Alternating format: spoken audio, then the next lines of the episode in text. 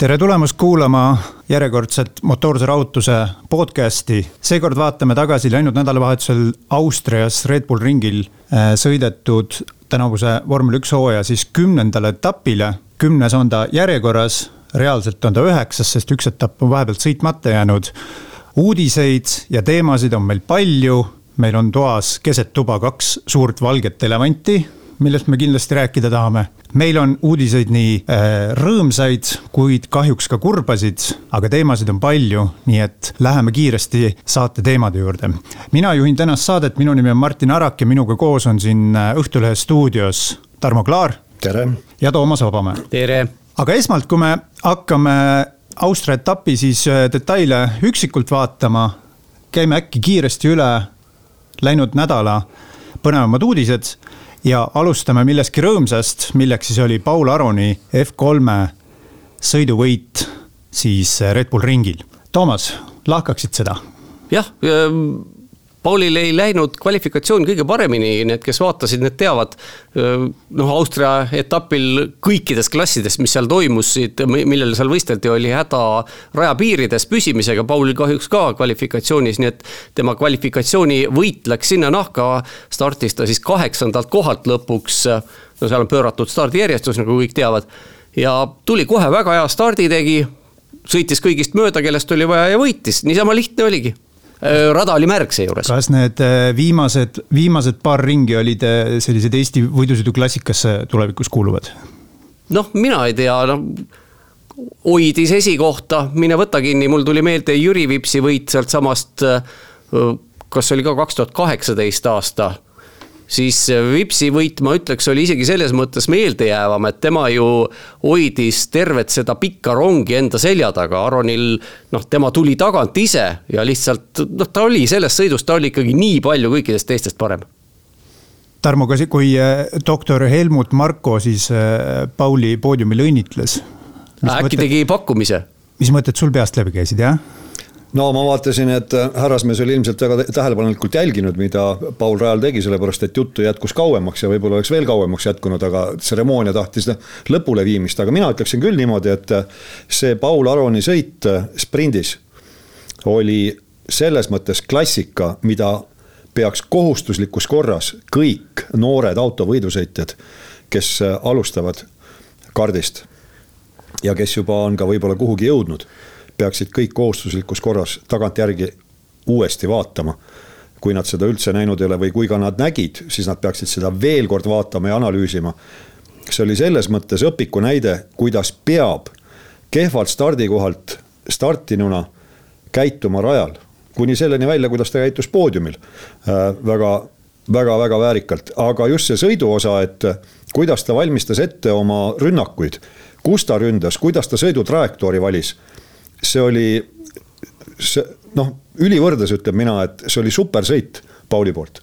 absoluutselt nõus kahjuks Paulil põhisõit nii hästi ei läinud, selle ta oli sunnitud katkestama. ei, ei katkestanud siiski, aga üleplaaniline poksipeatus, niisuguse noh, tobeda, tobeda avarii, noh, see ei olnud isegi avarii, see oli lihtsalt selline õrn kokkupuude nagu vormel kolmes tihti. ühe auto tagaratas, teise auto esitiib ja kokkuvõttes mõlemal poksipeatus ja mõlemal päev rikutud, nii et eh, ega seal suurt, suurt midagi rääkida, kusjuures ei olnud, ei olnud tegemist sellise eh, mingisuguse kamikaze manöövriga, et et, et läks nüüd äh, püüdma korraga seitsmest autost mööda sõita. ei, kõik oli täpselt samamoodi, ilusti oli ette valmistatud, aga noh, võta sa seal kinni kolmandast kurvist väljumisel.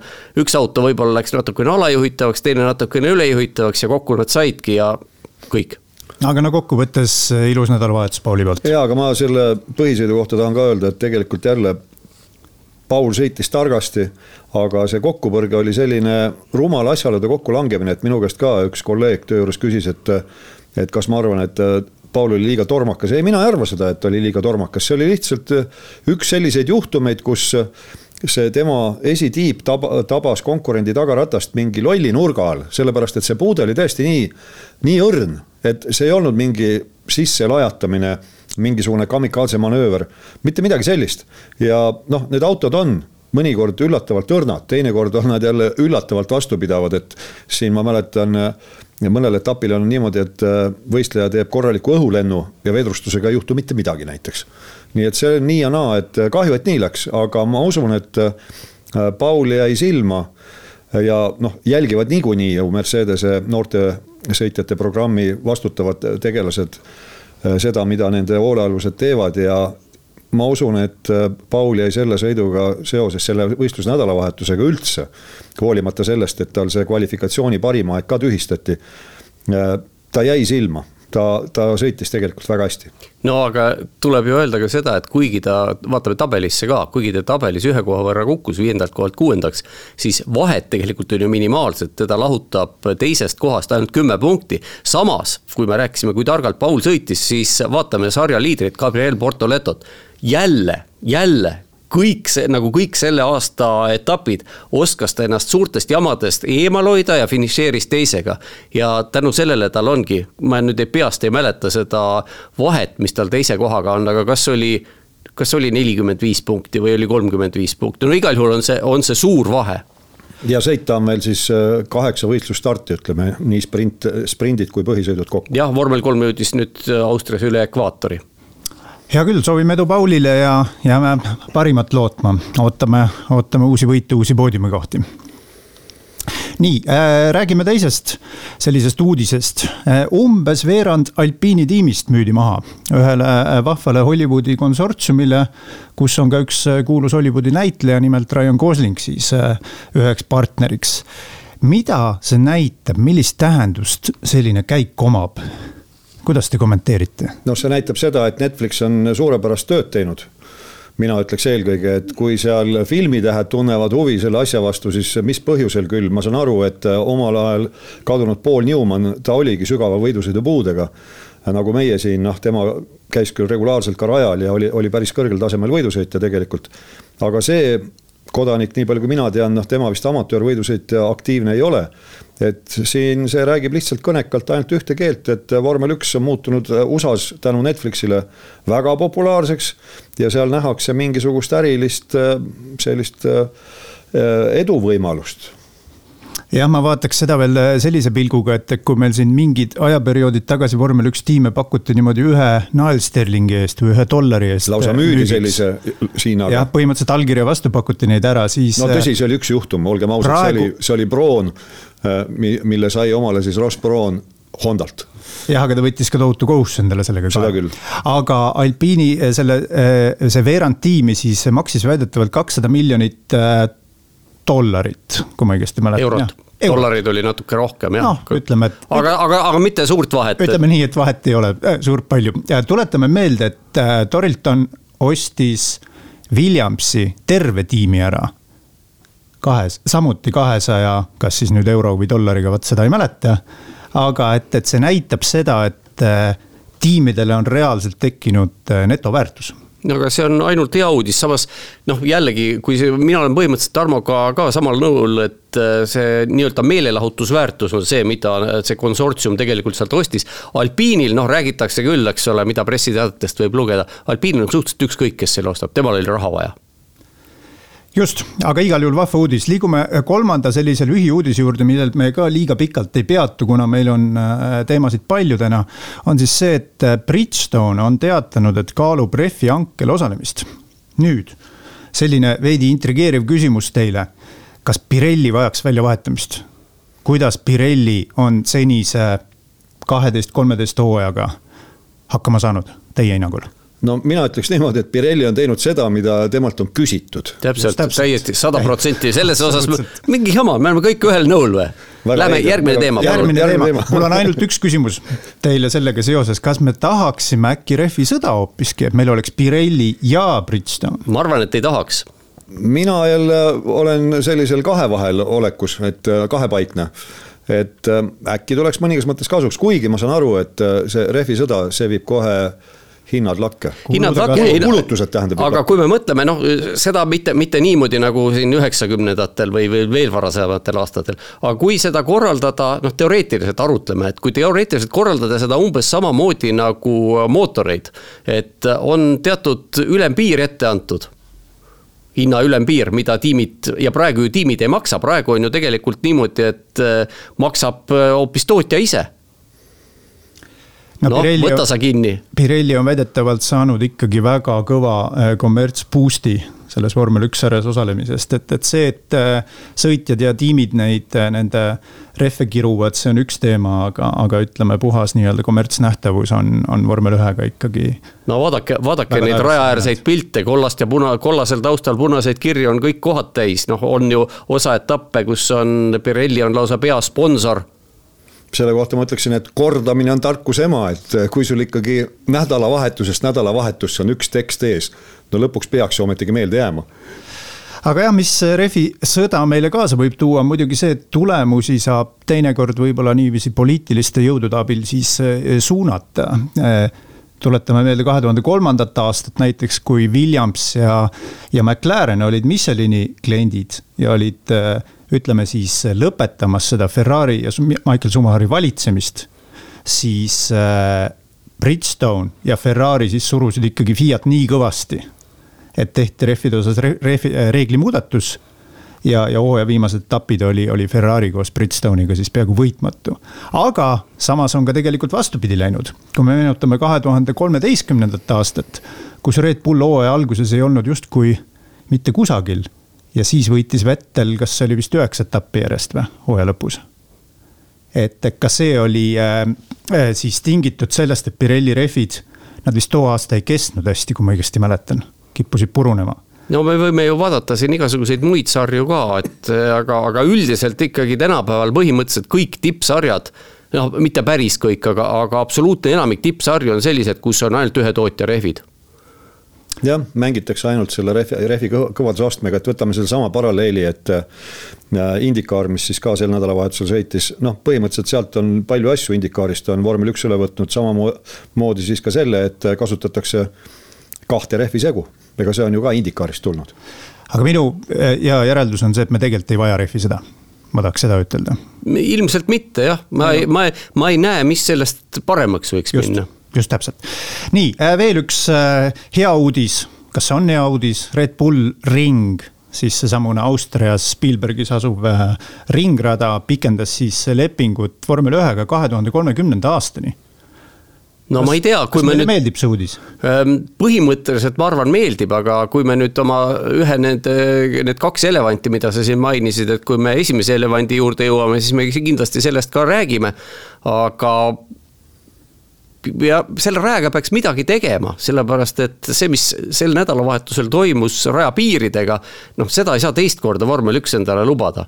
see on lihtsalt äh, absurdne, see oli farss. see oli paraku jah aga, aga, aga, aga põhimõtteliselt äh, ju võidusõitu pakub äh, Red Bull Ring vägagi palju. ja on pakkunud viimastel aastatel. ei, absoluutselt, selles, selles mõttes andke rohkem selliseid radu, kus saab mööda sõita. just aga nüüd lühiuudiste lõpuks ka üks äh, kurvemat laadi sõnum. et äh, eelmisel nädalal lahkus siis meie seast äh, kunagine Force India asetiimijuht Bob Fernley tema oli siis ka viimastel aastatel seotud McLareni Indy viiesaja projektiga ja, ja juhtis ka mõned aastad siis FIA single seater commission'it. et olgu siis see meie tagasihoidlikuks austusavalduseks temale noh, ja võib öelda, et tema paljuski oli see mees, kes äh, tõstis selle tiimi niisugusele kõrgusele, et äh, Lawrence Stroll selle lõpuks ära ostis. just. nii, aga me võime nüüd liikuda vormel ühe juurde ja alustaks äkki reedesest kvalifikatsioonist. aga palun, sina juhid saadet, sina otsustad. nii, see meie see ajakava tõsiste vormel üks fännide ajakava on nüüd ikka päris, päris segaseks läinud, et me vaatame reedel. mis segaseks, kui oled tõsine fänn, siis vaatad. reedel vaatame kvalifikatsiooni, mis määrab pühapäevase sõidu, siis stardikohad ja laupäev on siis täiesti eraldiseisev meil mm. -hmm. aga miks mitte, minule väga meeldib, sellepärast et äh, tühja sõitmist kogu nädalavahetuse peale ainult tund aega. ja ma ütleks seda, et äh, noh, Fredi on ju seda piisavalt meile välja toonud, kui palju maksab nädalavahetuse pilet kodanikule, kes läheb kohale. ja sellise nädalavahetuse formaadi puhul põhimõtteliselt saab ju kogu raha eest no lisaks sellele, et vormel üks seal oli, Austrias oli ju ka veel vormel kaks, oli vormel kolm, kummalgi kaks võistlussõitu, pluss äh, Porsche supercup. nii et noh, seal küll äh, see piletiraha efektiivse kasutamise küsimus üldse päevakorda ei tõusnud. Nii, aga mida meile siis kvalifikatsioon andis? Ferrari'd ja vähemalt üks McLarenitest olid heas vormis. no üks McLarenitest sellepärast, et äh, ennem seda nädalavahetust öeldi otse, et äh, aerodünaamika uuendused, äh, kõige värskemad lahendused krutitakse ainult Lando Norrise auto külge ja, ja tehakse meelega sellist raja peal võrdlust. sellepärast, et ma just siin kogesin eile, et mõned noored fännid ei teagi seda, et näiteks tuuletunnelis on kiirusepiirang sada kaheksakümmend kilomeetrit tunnis, et sul ei olegi võimalik kõik, kõike jäljendada tuuletunnelis ja seepärast ka näiteks aasta tagasi, kui hakkasid kehtima need uued reeglid võeti siis tiibautod kasutusele, mis tänagi on kasutusel. siis see hüplemine rajal oli paljudele noortele inseneridele üllatuseks, seda ei osatud kuidagi vältida ja. ja ei suudetud ka jäljendada kuidagi seal tuuletunnelis, sellepärast et ei olnud piisav kiirus. ja me oleme ju noh, nii palju juba jälginud seda asja, et et ka see, kui, kui sul justkui kõik seal arvutis tundub sobiv olevat ja tuuletunneli näidud on head või väga head, siis rajale minnes ühtäkki selgub et need andmed ei ole absoluutselt omavahel seoses, ei ole korrelatsioonis.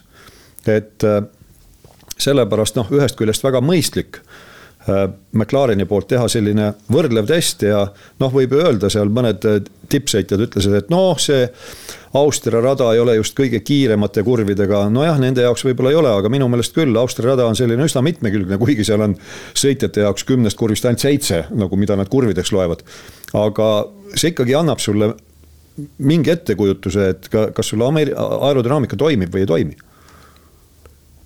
Noh, aga mina ei teeks sellest väga kaugeleulatuvaid järeldusi, noh, kui me pärast jõuame siin sõidu juurde tagasi, siis ega Lando Norris näitas ennast seast, seal ka heast küljest, aga oleme näinud tegelikult tänavu kõikidel etappidel ühte asja et Red Bull on kaugel ees ja tema jälitajad vahelduvad ja nende jälitajate vorm käib üles-alla. täiesti meie noh, võib-olla seal need insenerid, tiimi insenerid oskavad prognoosida et mis järgmisel etapil võiks hakata juhtuma. aga meile kõrvalseisjatena, meie jaoks need paljud kõikumised jäävad täiesti arusaamatuks. ja keegi ei ütle, no lisaks sellele Norris on Austrias ise väga palju häid tulemusi saavutanud. nii et äh, see võib olla lihtsalt järjekordne tegurite selline soodne kokkulangemine ja et Max Verstappen siis võitis kvalifikatsiooni, teine oli Charles Leclerc, kolmas Carlos Sainz, mõlemad siis Ferrari sõitjad, Lando Norris, kes siis sõitis selle uuenenud McLareniga. Äh, ainult küll, äh, mis seal öeldi, kas kolmekümne protsendi ulatuses uuenenud, et, et järgmised protsendid on veel tulemas järgmisel. Öeldi, et viiskümmend ja järgmised äh, viiskümmend tulevad siis kahe etapi jooksul, et Silverstone'iks krutitakse veel kakskümmend viis protsenti uuendusi sajast protsendist ja. ja siis järgneval etapil viimased kakskümmend viis protsenti, aga siis juba mõlemale autole. siis juba mõlemale jah. jah, e, noh, Tarmo, sina ka insener ja, ja Martin, et teate ise, et need ülejäänud viiskümmend protsenti aitavad korvata selle esimese viiekümne protsendi plussi jah see ei ole, ega see ei ole välistatud. ei ole, ei ole. absoluutselt ei ole, sest meil on enne ka juttu olnud, et ega siis kõik tiimid ju räägivad, kuidas nad äh, toovad äh, uuenduse välja, kuidas nad loodavad sellele, noh. vaadake, kui paljud tiimid siis nendest uuendustest tegelikult võidavad. enamik uuendusi on ju äpardunud ikkagi lõpuks. kuulge, aga sõbrad, nüüd ma pean teilt ühte asja paluma, et, et nüüd me läheme ühe, ühe selle elevandi juurde, aga, aga puudutame teda ainult korraks, jätame selle elevandi ikkagi nagu lõpupoole. et äh, kvalifikatsiooni siis kõige suurem selline halvas mõttes üllatus oli siis Sergio Perezi viieteistkümnes tulemus, ehk siis ta kuu ühest edasi ei saanudki. mis põhjusel? no sellesama, sel samal põhjusel, millest me ei räägi jah, no aga, aga mis see üllatus see oli, millal ta viimati kuu, kuu kolme jõudis, ma küsin siis niimoodi. viis sõitu tagasi. jah, Miami's, kui ta oli, kui ta kvalifikatsiooni võitis nii et selles mõttes oli täiesti seaduspärane tulemus, võib-olla natukene kehvem koht, aga, aga põhimõtteliselt ei midagi erilist. muidugi jah, see viis, kuidas ta selle jutumärkides saavutas, see ikka noh, Kristjan Horner, kes on üldiselt väga viisakas ja väga kannatlik kõigis oma avalikes ülesastumistes, siis temal noh, kuidas ma ütlen, et noh, tal ikka lõi ka keema selle samusegi, kui ta Skyle intervjuud andis ta oli jah, äh, üpris pahane. no mis me seda mõistujuttu siin ajame, et äh, ta ületas rajapiire siis oma kiiremal ringil ja, või kiirematel ringidel ja ta ei saanudki, ta ei saanudki, just, ta ei saanudki, Perez ei saanudki mõistlikku aega kirja tänu sellele. just, väga hea, Tarmo, et sa nüüd avasid selle teema, aga ärme vast praegu momendil peatu sellel rohkem me no, tuleme ja, selle juurde pärast äh, pikalt ja laialt veel tagasi. aga mis siis veel oli üllatuseks, oli võib-olla see, et Lance Stroll taaskord vormis edestas äh, Fernando Alonsot, kes siis äh, viimases kahes kurvis eksis õige pisut ja, ja nii lühikesel rajal nagu, nagu Red Bull Ring, üks väike eksimus. ütleme, kus see kvalifikatsiooni aeg on vaevu üle kuuekümne sekundi pikk, eks ju. tavaliselt on, äh, oleme seal üheksakümmend sekundit ja rohkem. siis see eksimus oli piisav, et Stroll sai siis Alonsot edestada. veel üks hea tulemus, Nico Hülkenberg Haasiga sõitis välja kaheksanda tulemuse ja Alexander Albon Williams Mercedesel kümnes. et Albonilt taas kord tugev esitus no Ülken, Ülkenbergi kohta samad, samad sõnad, et äh, praegu, kui räägime, et Perezil on viimasel ajal reegliks saanud see, et ta Q3-e ei jõua, siis Ülkenbergil võib öelda vastupidi, et tema reeglina kipub sinna jõudma. no vot, aga kuhu me nüüd siit edasi hüppame, puh-, järgime puhast kronoloogiat ja hüppame edasi siis laupäeva hommikusse kus meil sõideti siis sprindi ajasõit või siis inglise keeles sprint shootout. ja seal võidutses meil Max Verstappen, üllatus-üllatus. Perez tegi nüüd siin kõik korralikult ja, ja sõitis välja teise aja, Lando Norris tõestas, et, et see McLareni äh, uuendus ei olnud siis lihtsalt äh, mõni nali. tuli tema kolmandaks äh,. kes meil nüüd hävis Ferrari kõige eestuvaselt. jah, Charles Leclerc eelkõige, täiesti, täiesti arusaamatul kombel. kas, kas oli niiviisi, et Charles Leclerc oli ülinapilt Q1-st pääses edasi Q2, kas see võis olla ühe tuhandikuga? jaa, täpselt, Guan Yu Zhou ees ühe tuhandik sekundiga, täpselt nii, oli viieteistkümnes, Guan Yu Zhou oli kuueteistkümnes, noh lõpuks küll Leclerc päästis kuuenda koha, et nad olid Saintsiga mõlemad kolmandas reas, aga noh, Ferrari'le arvestades seda, kus nad olid reedel olid teine-kolmas ja noh, Leclerc ikkagi põhimõtteliselt seal Verstappeni külje all, siis laupäev oli selline külm dušš. ja sprindi kvalifikatsioon sõideti siis äh, märgades oludes no niivõrd-kuivõrd. jah, sellistes kuivavates või. kui kuivavad... ringi aegu vaadata, siis Verstappeni aegade võrdlus tegelikult jäi alla, alla, vahe oli alla kümnendik sekundi. aga see andis ühe olulise asja, et, et äh, niisketes oludes või kuivavates oludes ei kipu äh, sõitjad neid rajapiire ületama Nad ei taha sinna äärekivi peale väga ronida. ja, ja seetõttu oli seda veidikene leebem vaadata, kui, kui seda päris kvalifikatsiooni reedesel päeval. vaata, see nüüd ongi see teema, et me noh, rajapiiridest küll pidime hiljem rääkima, aga just nimelt, et kui on märg, siis millegipärast kõik sõitjad teavad, et nad saavad karistatud mitte kohtunike poolt. no äärekive on erinevaid, eks ole, aga Seda Austrias, Austrias konkreetselt on sellised äärekivid, mis äh, märja ilmaga lähevad libedaks, igal pool see ei pruugi niimoodi olla. ei pruugi, aga seal konkreetselt oli ja noh, see, mis pärast järgnes kuivaga, no see oli ju täiesti omaette teema ja selle sprindi ajasõidu siis äh, võib-olla, et selline suurim üllataja oli Nico Hülkenberg neljanda ajaga. ja, ja võib-olla kõige suurem põruja siis Lewis Hamilton, kes ei pääsenud Q1-st edasi üllatuslikult no, no seal, seal oli oma põhjus, miks ta ei pääsenud. ja põhjuse nimi on Max Verstappen. just ja, ja siin näiteks on nüüd järgmine teema kohe minu, minu poolt, et et kui ebajärjekindlad on tegelikult kohtunikud, hea küll, pärast minu jaoks mingisugust sellist hülgejuttu aeti suust välja seal, miks ei karistatud kumbagi, aga teema oli siis selles, et äh, oma kiirelt ringilt oli tulemas Max Verstappen ja noh, põhimõtteliselt viimases kurvis jäi talle ette siis Lewis Hamilton, kes oli minemas ta, oma kiirele. ta tegelikult ette. isegi ei jäänud ette, ta hüppas ette, sest ta lasi, kes seal enne tuli, äh, Hamilton ootas üheksanda, kümnenda kurvi vahel, lasi ühe auto mööda ja, ja siis hüppas ideaaltrajektoorile Verstappeni ette. et, et alustada oma kiiret ringi ja ütleme, see manööver nüüd ei olnud tahtlik, vaid, vaid see oli puhas Mercedese võistkonna ämber, sellepärast et võistleja ei tea, kes kui kaugel tal on, see, selle, seda informatsiooni peab talle jagama võistkond. nii et Hamiltonil seal süüd ei olnud, see oli tema tahtmatu viga. aga Verstappenil kees nii üle, lõi kaane pealt ära, et ta lõpetas küll oma ringi aga nüüd sai ka stardifiniši sirgel siis ette Hamiltonist, aga esimeses kurvis takistas meelega nüüd Hamiltoni, kes oli alustamas oma kiiret ringi. ja neid isegi ei kutsutud kohtunike jutule. vot sellest mina aru ei saa no.. tõesti ei saa, et kui on Klaar Tarmo seal ja on keegi Toomas Vabamäe, mingisugused piimamehed, siis me oleme krapsti seal punase vaiba peal või mis iganes vaip see on seal. Martin Araku jutul, eks. kohtunik, peakohtunik Martin Araku jutul. aga vot, kui on seitsmekordne maailmameister ja kohe-kohe kolmekordne maailmameister, siis ja üks on veel söör ka, no siis, no mis me nüüd hakkame siis, noh, umbes niimoodi. no see on hale, minu jaoks see on hale, see ajab mul fekaalid keema, selline, selline lömitamine. kus, kus nüüd siis on see võrdne kohtlemine, mitte kuskil okei okay., aga karistada sai veel muuseas ka Charles Leclerc kuna tema takistas, äkki oli see Oscar Piastri peal. aga vaata, tema ei ole veel maailmameister. tema veel ei ole jah. jah, tema takistas tema ja takistas Q1-s, nii et noh, eks siin muidugi neid ja kui me vaatame veel sinna, Kevin Magnussen pääses ju kolmandasse vooru sprindi kvalifikatsioonis, okei okay,, seal oli ta küll viimane, aga noh, ikkagi pääses. see ka tõsine saavutus tegelikult tema poolt. aga kas me lähmegi sprindi juurde nüüd? no võiks ju minna. no näiteks võiks ju minna.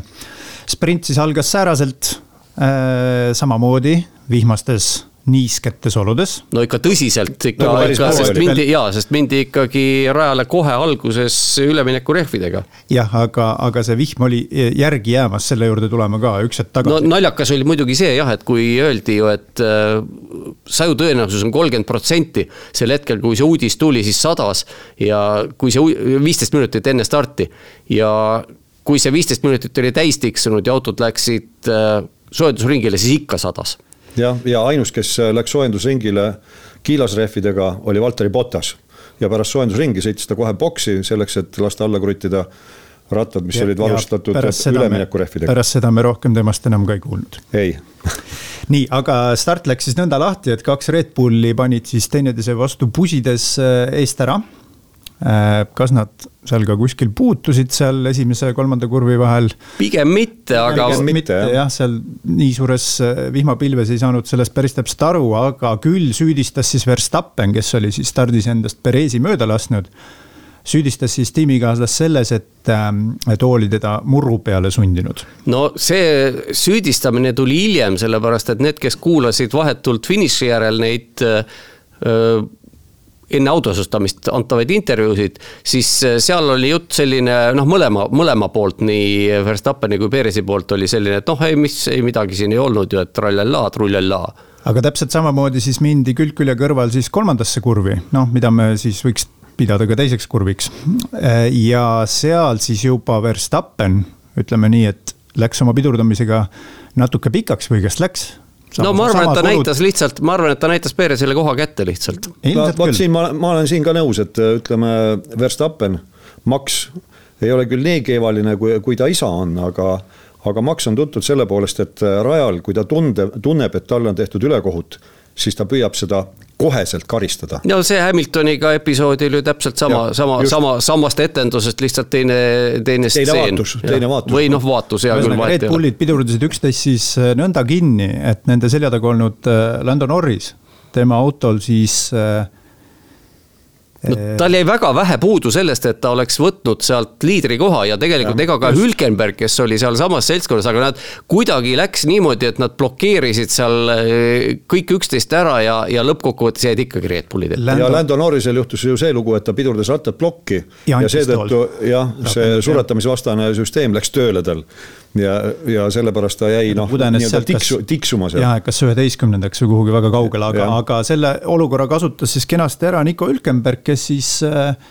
tõusis momendil küll veel kolmandaks, aga äh, neljandasse kurvi liikudes siis Verstappen ja Perez olid taas kord kõrvuti. ja ka seal nüüd surus tegelikult äh, Verstappen ikkagi Perezi kindlasti kenasti kotti jah, aga see oli niisugune määrustepärane. Seal, kui selle kolmanda kurvi manöövris seal võis veel noh, eks me meenutasime ka Hamiltoni ja Rosbergi armastusavaldusi seal, mis aastal iganes see oli, kaks tuhat kuusteist tõenäoliselt.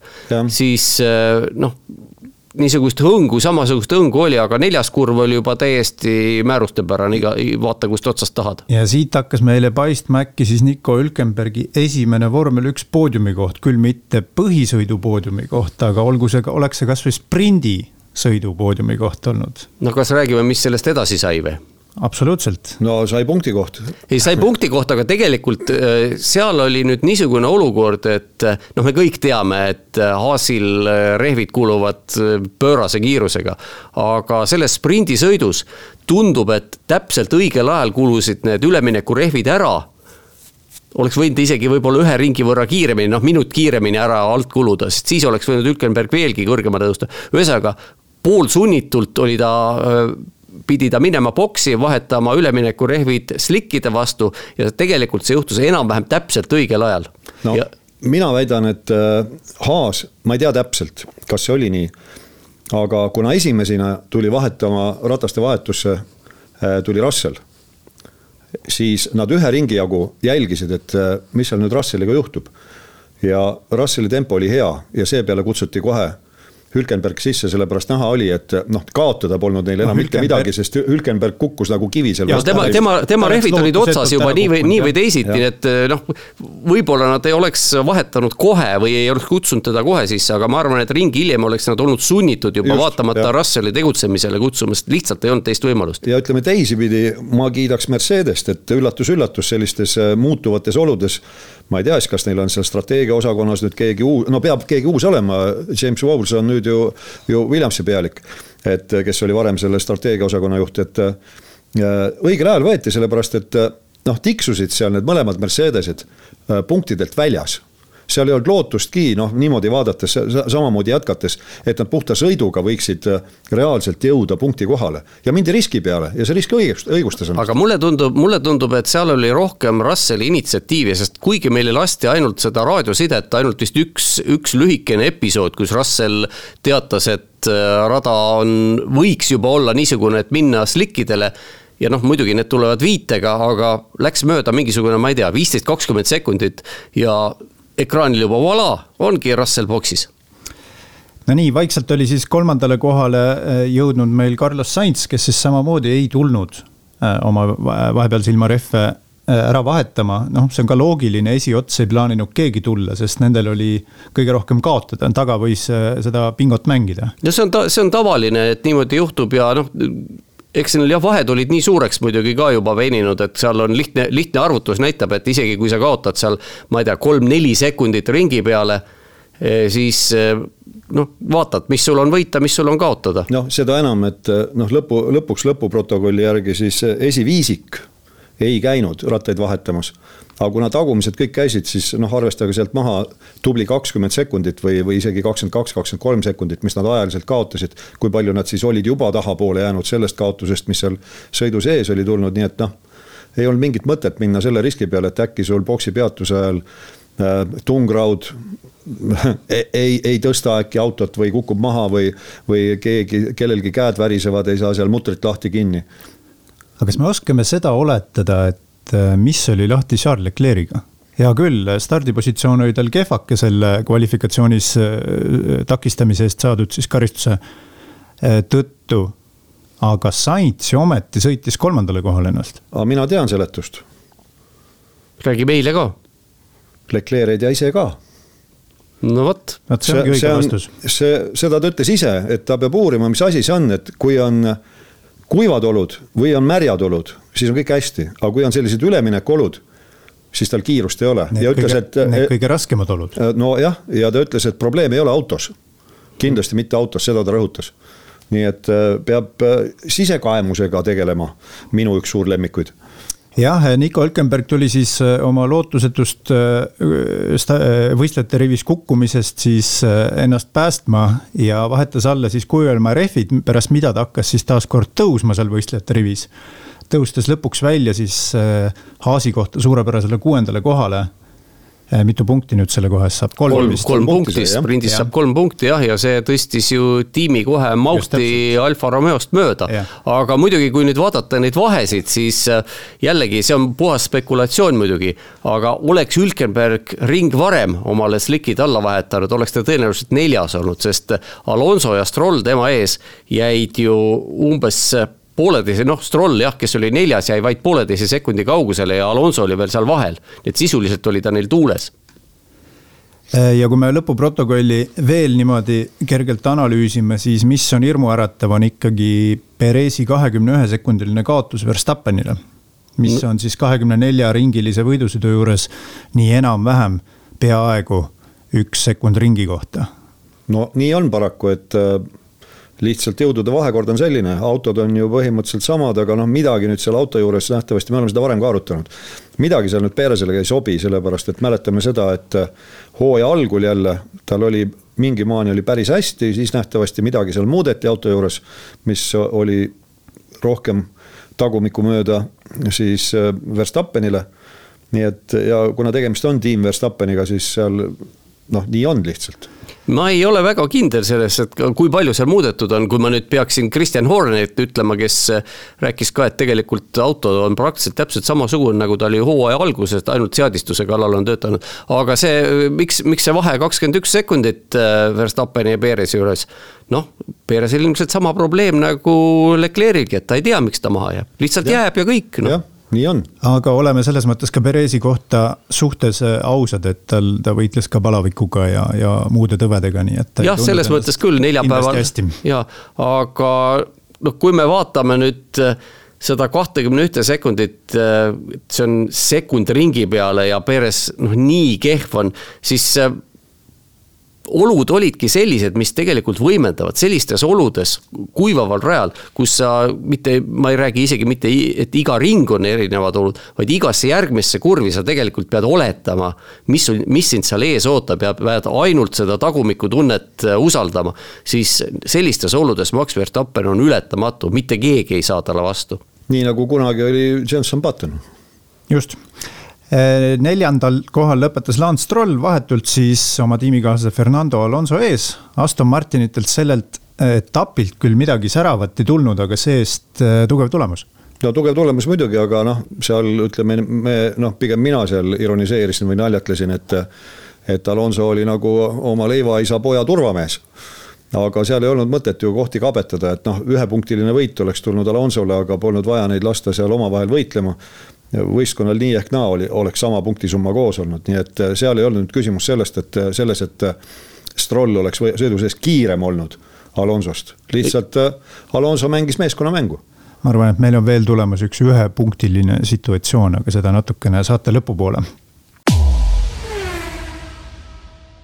nii, aga siit oleks võib-olla sobilik edasi liikuda päris võistlussõidu juurde, mis sõideti siis pühapäeval. sõideti seitsekümmend üks ringi, olud olid suurepärased, ei olnud liiga palavad, ei olnud liiga jahedad, ei olnud liiga niisked, ei olnud liiga kuivad. Äh, startis meil siis esikoha pealt äh, Max Verstappen, keda siis olid äh, jälitamas kohe stardist alates kaks Ferrarit ja koguni nii, et Charles Leclerc, kes oli siis, lähtus siis teiselt kohalt, oli siis seal kolmandas ja neljandas kurvis siis äh, kole sõjakas Verstappeni suhtes, püüdis seda liidrikohta endale saada. kui me arvestame seda, et Verstappen oli vastakuti siis äh, kahe Ferrari'ga, kellele kuulus tänu sellele siis puhas taktikaline eelis, kui me igasugust rehvivahetust ja või rataste vahetust, Tarmo rataste ratastega. on niiviisi sobilik öelda? mitte sobilik, vaid korrektne. korrektne, et äh, siis me oleksime saanud siit võib-olla kohati päris sellise huvitava stsenaariumi. no mina, mina, mina räägiksin nüüd vastu, et kui Ferrari'l on kaks autot kõrges mängus, siis taktikaliselt ei ole see pigem mitte eelis, vaid see tekitab tohutu segaduse, sest tiim ei saa aru, mida nad tegema peavad. ja see kestab, ma ei tea, mitu aastat juba, aastaid, aastaid, aastaid ja alati kuuleme, lõppkokkuvõttes kuuleme alati, keegi tiimi juhtkonnast ütleb, et täpselt nii oli ainukene õige, nagu Lenin. ma ütlen remargi korras ka, et me siin Tarmoga äh, valju häälega naerame mõlemad kuulda ei ole midagi. meil on kole lõbus sinu, on, on. sinu jutu peale, Toomas. no ütleme niimoodi, et pärast Tiim Schumacheri lahkumist on seal selle koha pealt küll see taktika ja strateegia osakond vist laiali saadetud okei okay,, aga sellest me räägime mõne hetke pärast, aga Ferraride kiirus oli sellegipoolest muljetavaldav Austrias noh, Ferraride kiirus oli korralik, sest ega. teiseks kiirem auto. jah, aga mis kvalifikatsioon ju näitas seda, kvalifikatsioonis oli ju täpselt sama seis ja, ja tegelikult ka treeningutel põhimõtteliselt, nii et ega see sellel ainsal treeningul. ega see nüüd teab mis suur üllatus ei olnud ja noh kui meenutame veel, et eelmisel aastal ju Leclerc võitis selle etapi, kui ta kolm korda sõitis äh, Verstappenist rajal mööda, siis ega ta oskab seal sõita, midagi pole salata. jah, kiire sõitja ta on ja, ja sellele Austria etapile tõi Ferrari ka, küll noh, võib öelda vähe uuendusi, aga ikkagi tõi mõlemale autole, nii et ju need uuendused siis toimisid. kuigi äh, Leclerc äh, võistluse järgselt ütles ka, et intervjuus seal Eh, kui noh, muuhulgas juhiti tähelepanu, et, et ta hirmsasti pusis seal alguses Verstappeniga, et nad teavad, et Red Bulli võistlustempo on kõrgem. ja kui lasta Verstappen kohe eest ära, siis on põhimõtteliselt mäng mängitud. aga kui suuta teda natukene aegagi selja taga hoida, siis võib noh, mingisugunegi võimalus olla esikoha eest võidelda aga noh, nagu me hiljem nägime, siis ega see kiiruslik ülekaal ikkagi oli selline, et kui me sõidu lõppu meenutame, siis Verstappen, kui ta sõitis endale selle viimaseks boksi peatuseks vajalikud kakskümmend kaks sekundit, siis Leclerc'i ees välja, et noh, mis see, mis võimalus oleks olnud Ferrari'l nüüd siin sõidu alguses sellele Red Bullile vastu saada? no see on natukene teistmoodi, sest sõidu alguses on alati küsimärke väga palju, et keegi ei tea ju seda, milline saab rehvi kulumine olema, noh eriti sellisel etapil nagu praegu, et kui vahepeal on vihma sadanud, rajaolud on muutunud, et seal on neid küsimärke hästi palju kui on niisugused ettearvatavad olud, siis jah, noh, sõidu lõpus ongi, kõik juba teavad, mis hakkab toimuma. ja, ja seal ei ole seda mänguruumi nii palju no ja see ka, et äh, kui käib selline tihe heitlus, ratas rattas ja teineteise taga sõidetakse, siis äh, noh, ega meile liiga palju pole seda ju räägitud, äh, kuidas see, see Red Bulli auto käitub siis rehvide suhtes, et kui rehvisõbralik ta siis on, kui peab kogu aeg tihedalt teiste sabas sõitma, noh, seda võib võib-olla Perezi suu läbi kuulda, aga tõesti, et noh, seal võistluse sees, kui sellised kohamuutused on, no see loob natukene teise olukorra jah, ühesõnaga Verstappen siis äh, hakkas Ferraridel eest ära pühkima keskeltläbi niiviisi pool sekundit ringi kohta, kuni siis äh, kaheteistkümnendal ringil, kui ma õigesti mäletan äh,, jäi raja äärde Nico Hülkenberg, suure, seni suurepärase võistlusnädalavahetuse teinud äh,. Hülkenbergi autol siis äh,. teist etappi järjest äh, mootoril kapitaalne ülesütlemine, kõik segamini kes tegi mootori? Ferrari. nojah, Ferrari ja nüüd muidugi, nüüd siis jõuame selle Ferrari eh, taktikalise geniaalsuse juurde, ega me sellest ei saa ka üle ega ümber. ühesõnaga rajale kutsuti eh, virtuaalne turvaauto, mis siis päriselt rajale ei tulnud, kuna ta on virtuaalne.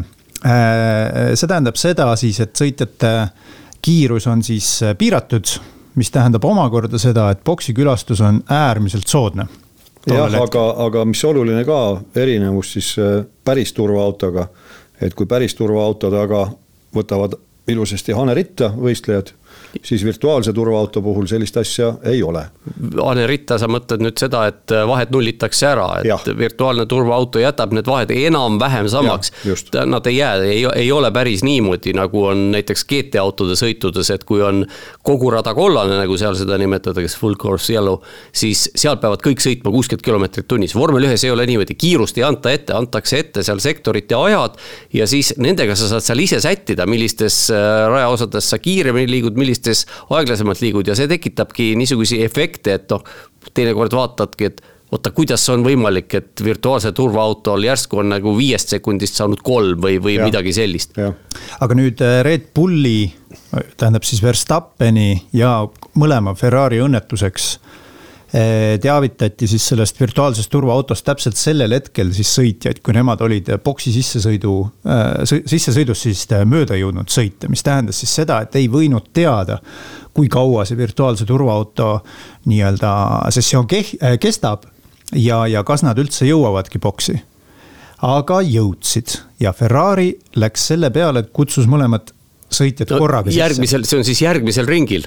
just. sest enne, enne olid tulnud seal juba tagumise otsa mehed, kellel oli, kellel ei olnud vaja pikalt mõelda. praktiliselt kõik tagumise otsa äh, sõitjad tulid sisse, välja arvatud Perez kes oli siis tolleks hetkeks juba seal jõudnud äh, üksjagu siis sõitjate rivis ettepoole rühkida. Äh, Ferrari'd toodi sisse, Leclerc oli esimene, Sainz teine, Sainz ootas senikaua, kui Leclerc'i autot teenindati. Leclerc'i peatus oli muidugi neli koma neli sekundit. jah, neil läksid tegelikult, tegelikult äh, hakkas ju, Sainz hakkas vahet sisse laskma juba ringi alguses, see oli kohe näha, kui see virtuaalse turvaauto režiim kehtestati, et hakkas sinna vahet sisse laskma ja noh, sellest oli, võis, võis kohe arvata, et nüüd nad sisse kutsutakse, aga, aga kui me nüüd edasi ja noh, Leclerc'i peatus läks nahka neli koma viis sekundit ja Sainzi peatus läks ka nahka. just. Ja... aga nüüd, aga nüüd võib-olla sellest nagu veel, veel nagu olulisem küsimus minu jaoks, et võib-olla mitte see, et keegi seal äh, pillas mutrivõtme maha või midagi säärast, seda ikka juhtub, aga et milleks antud oludes kutsuda mõlemad korraga sisse. no vot just see tegelikult oligi, kui me nüüd äh, vihjasime sellele Ferrari taktikalisele geeniusele, kes kuskil istub, keda meile ei näidata, aga kelle otsused on vaieldamatult õiged alati, siis noh, lihtne oleks olnud ju võtta vastu otsus, et Leclerc on esimene, võtame ta sisse ja jagame taktikat, et me ei tea, kumb on parem, seda enam, et Verstappen jäi ju välja. See ja, ja vahe oli nii suur, et see oli ju selleks hetkeks teada. et oleks Leclerc sisse kutsuda, Sainz jätkata Verstappeni järel jah, aga, aga millegipärast ei osata seal Scuderia Ferraris niimoodi mõelda Sainz muidugi äh, langes selle siis tembuga nii Hamiltoni kui siis ka Norrise selja taha või mis järjekorras see iganes oligi seal. ja pärast hiljem siis, äh, pärast sõitu oli tiimi peale kole pahane, et, et tänu, tänu sellele lollusele siis äh, nulliti ära tema siis poodiumile tõus. kui palju selles tõde on? No võib-olla isegi on, mine tea, no kas nüüd Perez oleks tast mööda sõitnud või mitte, no see on iseküsimus, aga. aga fakt on see, et äh, Saintsi sõit oleks parem ja no me ei tea muidugi jälle neid rajapiiride ületamisi. aga, aga, aga rikkus jah, Sainz pidi hakkama siis kangutama, noh, tema auto oli piisavalt kiire selleks, et Norrisest ja Hamiltonist uuesti mööda minna vaatame nüüd ikkagi numbritele otsa, et kui tuldi üle finišijoone, siis esialgsete tulemustega, räägime nendest, kus Sainz oli juba ära teeninud ühe viiesekundilise ajakaristuse, siis ta kaotas tollel hetkel Sergio Perezile neli koma midagi sekundit. ehk siis, et nüüd on küsimus, kas tiim rikkus poodiumile tuleku ära või äkki Sainz ise rajapiire ületades no, no lõppude lõpuks Sainz ise ikkagi. no ikkagi Ütleme, mõlema koostöös no, ma arvan. ma arvan, et see oli ja, kuulge, ärge nüüd, mis võidetakse koos, kaotatakse ja, koos. ja muidugi, muidugi jah, just, just. Kuidas sõit edasi arenes, arenes siis nõnda, et äh, esialgu äh, juhtis jätkuvalt Verstappen äh,. Ferrari'd asusid nüüd äh, uuematel, värskematel rehvidel vahet vähendama. üks hetk tuli Verstappengi boksi, seejärel tõusis juba liidriks Charles Leclerc. Ferrari'le tänavusel aastal küllaltki selline äh, harukordne positsioon hoida. sellest loomulikult äh, liiga palju, liiga kauaks ei jätkunud. kümme ringi. kümme ringi kulus Verstappenile, et sõita see umbes seitsmesekundiline vahe kinni ja mööduda, mööduda Leclerc'ist.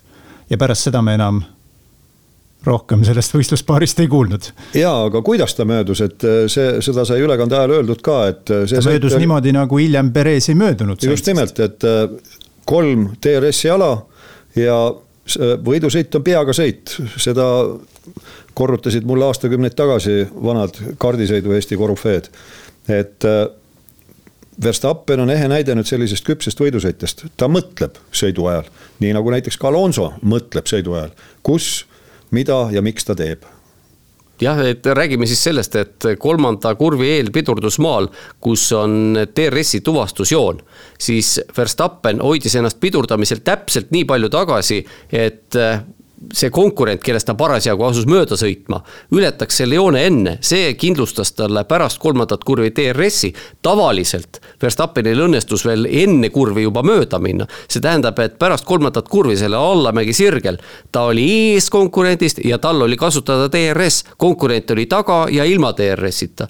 ja kuidas Perezil läks, kui ta Saintsiga hiljem võitles. Perezil läks vist kolm korda läks. kolmas kord läks õnneks. ja no see oli üks. õigesti. ja see on ükskord korda vähem kui reedel, kui ta sai kolm korda rehaga otsa ette. pühapäeval piirdus kahega. jah, et see oli hale naljakas tõesti vaadata ja noh ma ei tea jälle täpselt, ega seda ei räägita ka.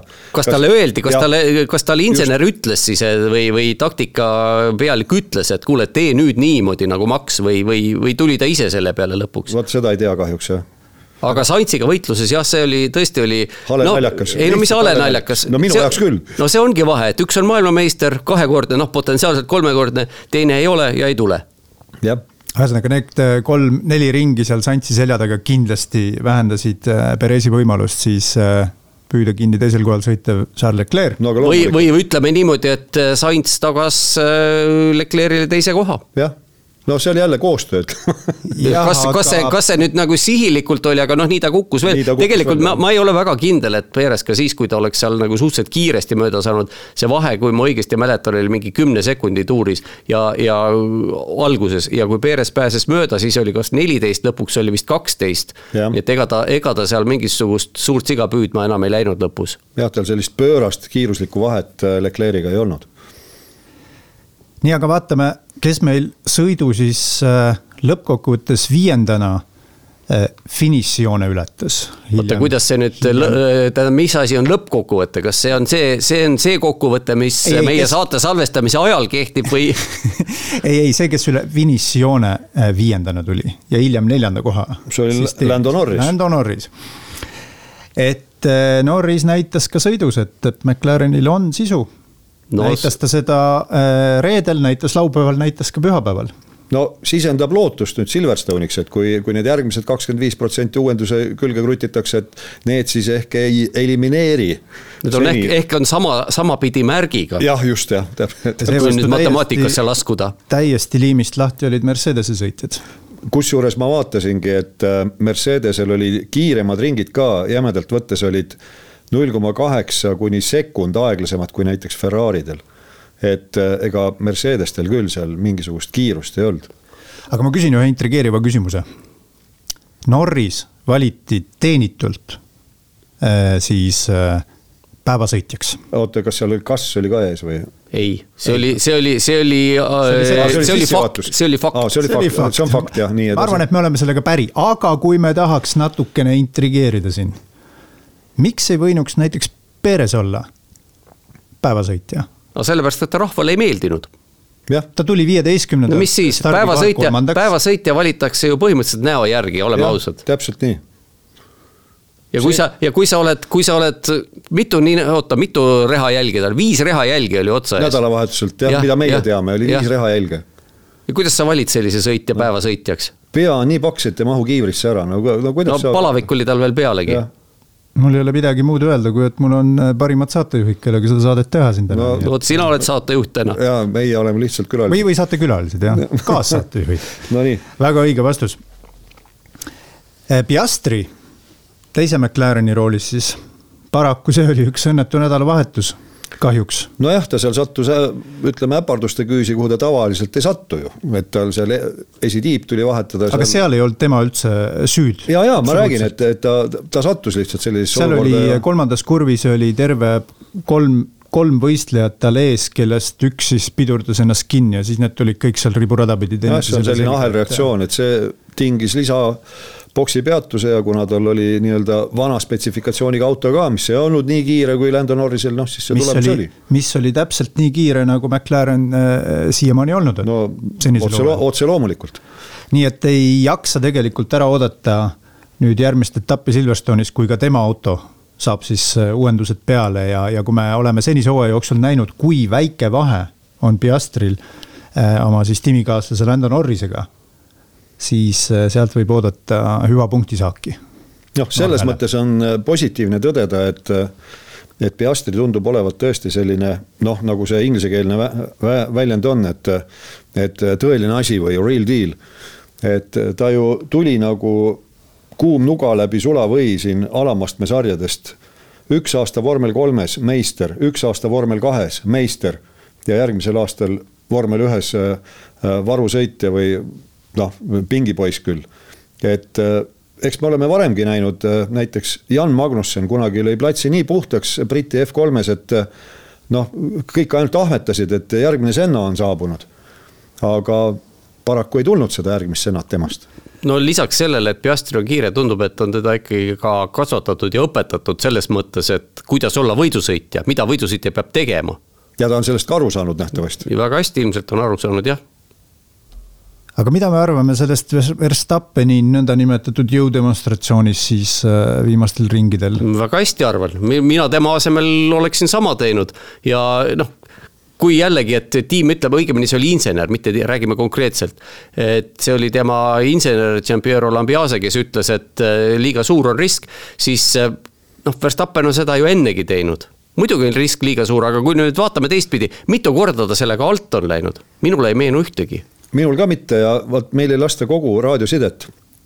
ei olnud ju niimoodi, et äh, võistlusinsener ütles, et liiga suur risk, et ei ja sinna see jäi ja siis äkki üllatuti, et vaadati tulemuste monitori, et jumal hoia, ta on boksi teel. ei, ei, seal oli, käis kooskõlastamine, käis koos, kooskõlastamine koos, kooskõlastati Jonathan Wheatley'ga, kes on äh, spordidirektor mis ta on, ja Kristjan Horneriga. nii et tegelikult põhimõtteliselt ma arvan, et seal kogu see ring käis, äh, kui mitte kauem, käis seal äh, kõva sõnavahetus. just, mida meile edasi ei antud.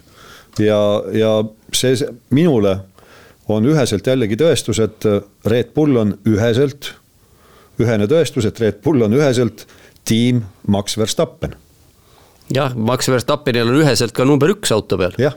aga vähemalt äh, Red Bulli äh, kõikide muude nii-öelda tunnuste ja, ja hüüdlausete ja kõige muu säärasega läheb see tema tegevus igal juhul kokku, et kui ka preemia on üks, aga võimalik kahju on kakskümmend viis punkti siis minnakse ikkagi seda ühte ära tooma. jah, aga see tõenäosus veel kord, et äh, minu meelest mulle ei mee-, mulle ei meenu küll, et oleks Verstappen sellega kordagi alt läinud ja seal on just see teema ka, et äh, meeskond on ikkagi nii kogenud, et neil käsi ei värise sellises olukorras. et võib-olla mõni teine rattavahetaja oleks seal mõelnud, et issand jumal, et kaks ringi ainult on jäänud ja nüüd minust sõltub, minust sõltub ja siis noh, ise kütab ennast üles ja mutrivõti kukub maha.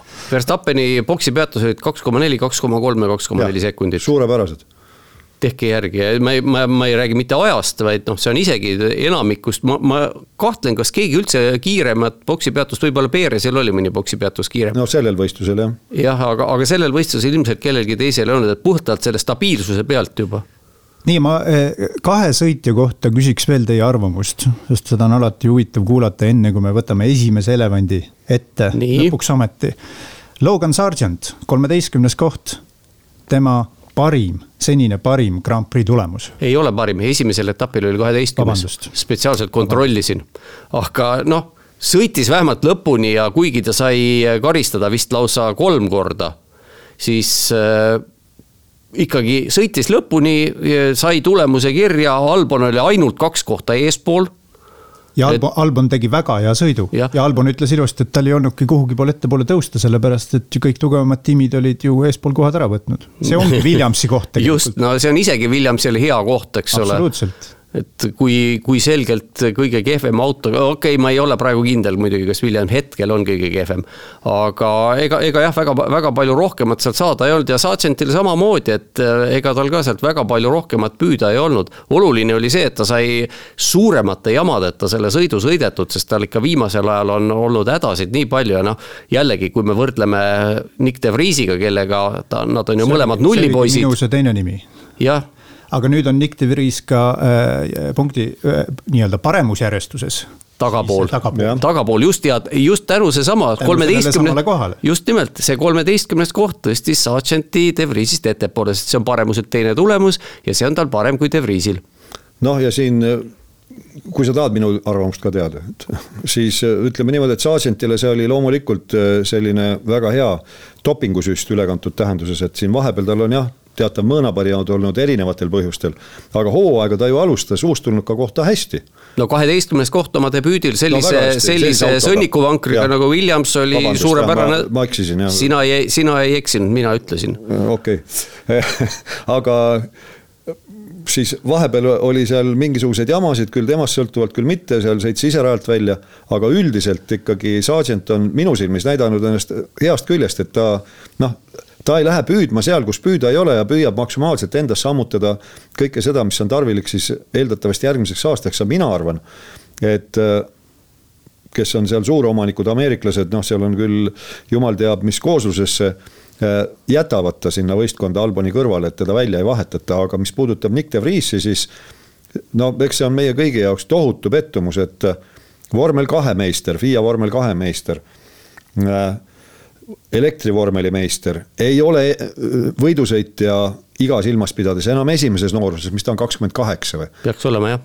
et äh, no peaks ju kogemust olema ja sellist võidusõitja tarkust juba, aga pidevalt on mingisugused jamad noh no,, see, mis ta jah, seal Magnusseni vastu korraldas äh, viiendas või kuuendas kurvis, mis see nüüd on, eks, kus ta surus. no, no ta surus Magnusseni seal välja jah, aga, aga noh, ma pean, mõtlen pigem. üleüldse, üleüldse kogu, kogu hooaeg, et need, need, see oli niisugune noh, see, see on, ütleme, andestatav viga, et, et sa, kui sa kahevõitluses teed selle viga, vea, aga niisugused täiesti sundimatud vead, nagu tal on olnud väga palju neid. noh, nagu Kanadas kasvõi see. või no Bakuus oli ja, veel ja, eriti. jah et äh, noh, just kui, kui sa, kui sa sõidadki välja ja piiretesse ja tänavarajal ja no.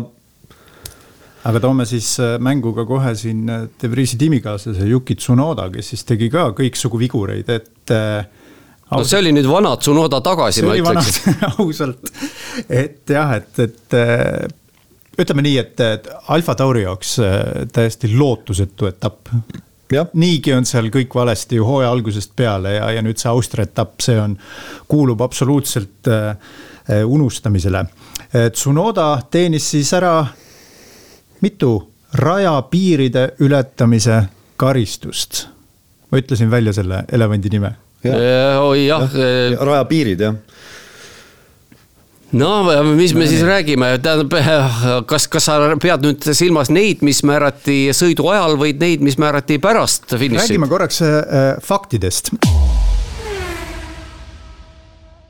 ainuüksi kvalifikatsioonis kustutati nelikümmend seitse ringi aega nii võidusõidus ehk siis pühapäeval toimunud siis Grand Prix'l üle saja. FIA sai tuhat kakssada. üle tuhande kahesaja, väidetavalt isegi tuhat viissada äh, siis äh, kahtlustust. no tuhat viissada on üle tuhande kahesaja, jah. kindlasti ja see kahtlustus on äh, siis need episoodid, mida tuli kontrollida. ja tuli üle vaadata. nii, mis, mis meil tulemus oli, tulemus oli see, et võistluse vältel teenis siis vähemalt ühe ajakaristuse seitse võistlejat. viis tundi pärast võistlust teenisid veel säärase karistuse, vähemalt ühe ajakaristuse, vähemalt ühe. kaheksa võistlejat, pärast mida muudeti siis äh, esialgseid tulemusi jah, see on siis, mis see oli, neli tundi ja viiskümmend üks minutit. no peaaegu viis tundi. peaaegu viis tundi pärast jah. aga ma loeksin teile ette selle äh, tabeli siis, et mis see karistuste tabel endast siis kujutab pärast finišit, kui olid kõik need äh, kahtlustused üle vaadatud oota, kas sul on Tõde ja õigus nüüd ees või? ma vaatan kolm, äh, ainult kolm köidet, ärge muretsege, Tarmo loeb kõik need ja, ette. et võtke rahulikult, seal natukene kohvi ja seal paluge, et keegi suupisteid toob, läheb aega. kõigepealt number viiskümmend viis, Carlos Sainz, kümme sekundit. number nelikümmend neli, Lewis Hamilton, kümme sekundit. number kümme, Pierre Gasly, kümme sekundit. kakskümmend kolm, Aleksander Albon, kümme sekundit. number kolmkümmend üks, Esteban Ocon, viies nimekirjas, viis sekundit kuues nimekirjas. oot, oot, oot, oot, Ocon. Esteban Ocon. sai kolmkümmend sekundit. oota, oota, pidage hoogu nüüd, pidage hoogu. nimekirjas. see on alles esimene köide, okei okay.. jaa, nimekirjas viies, number kolmkümmend üks, Esteban Ocon, viis sekundit. nimekirjas kuues, number kolmkümmend üks, kloonitud, Esteban Ocon, kümme sekundit. number seitse nimekirjas, võistleja numbriga kolmkümmend üks kolma, teist korda kloonitud Esteban Ocon, viis sekundit. kaheksas nimekirjas, number kolmkümmend üks, jälle Esteban Ocon, kümme sekundit. Lähme edasi, üheksas nimekirjas number kaks, Logan Sargent, kümme sekundit. siis kümnes ja üheteistkümnes Nick de Vries, kõigepealt kümme sekundit, siis viis sekundit ja lõpuks Yuki Tsunoda kaheteistkümnendana viis sekundit, nii et need on need karistused, mis määrati pärast seda, kui materjal oli läbi vaadatud, pärast finišilippu. kuulge, aga ma esitaks ikkagi küsimuse, et rikkumine ju toimus. rikkumine toimus, siin ei ole mingi, siin ei ole mingisugust küsimust. ja, ja, ja rikkumine toimub siis, kui sa ületad rajapiire kolm korda. just siis see on, see on üks, üks. nelja, nelja, neljas, neljas, neljas kord, kolmas on hoiatuslipp ja, ja neljas ja. on see, kui tuleb ajatrahv. et äh, kõik on õige ju. absoluutselt. võistlejad käisid üle nelja rattaga üle valge joone kümnendas kurvis, see peamiselt puudutab. peamiselt kümnes kurv jah, valdavalt kümnes kurv. mis on selline hästi äh, keeruline kurv ja sõitjad tahavad justkui no parem, parem see on väga, see on. muutuva raadiusega kurv. muutuva raadiusega, lisaks on seal, lisaks on Apexis on lohk, aga sealt tuleb läbi sõita, sest see on kõige kiirem trajektoor. ja mis kõige tähtsam, see on väga kallis kurv äh, ajalises mõttes, sest sellele järgneb pikk sirge, sinna on vaja suure hooga välja saada. ehk kui sa seal kurvis annad järele, siis sa kogu peasirge kaotad automaatselt. ja terve järgmine ring on sul rikutud. ma aga... küsingi, et, et aga milles siis meie selline sarkasm? ega meie, äh, mina ei ütleks, et sarkasm meie Tarmoga oleme kindlal seisukohal, et võidusõit käib valgete joonte vahel, vana kooli värk. lihtsalt ma ei tea, milles, ma, ma eelmistel aastatel nii hullu asja ei ole ju kordagi olnud. ei, ja ütleme, et üks niiviisi, kui, kui me sõitsime vanasti Austrias, see oli kuskil kahe tuhandete alguses viimati, siis ju olid piirid üldse vabad ei no Sõida, piirid, piirid vabad. vabad ei ole olnud tegelikult. päris, päris vabad ei olnud. esimesest kurvist lubati sõita ju, ju tuugalt üle nojah, aga sealt igasuguseid asju tehti, seal olid, tollal neid Verstoppeniteks ei nimetatud, aga mingisuguseid asju sinna maha oli, oli pandud ja tegelikult, kui me mõtleme ka nendele üheksandale, kümnendale kurvile, siis seal oli ju ka alles mõni aasta tagasi olid sellised kollased betoonvorstid olid no, väli nagu. a la lamavad politseinikud piki rada pandud. ja sinna üks, ük, ühel aastal sõitis Danil Kvätt ju sinna otsa niimoodi, et pärast seda oli nagu lennuki hukkumine madallennul. nägi see, nägi see stseen välja, nii et need võeti ära, selles mõttes need Need olid küll väga efektiivsed, sest sõitjad sinna otsa ei trüginud kusjuures kolmandas kurvis on jätkuvalt see vorst olemas. aga seal on ja, madal. ja ka esimeses kurvis. jaa, esimeses ja kolmandas olemas, aga seal on madal ja, ja kui nüüd tähelepanelikult vaadata, mismoodi sõitjad, nad eh, ei vältinud seda, aga sinna sõideti peale hästi sujuva nurga all ja ainult välimiste ratastega, mitte rohkem.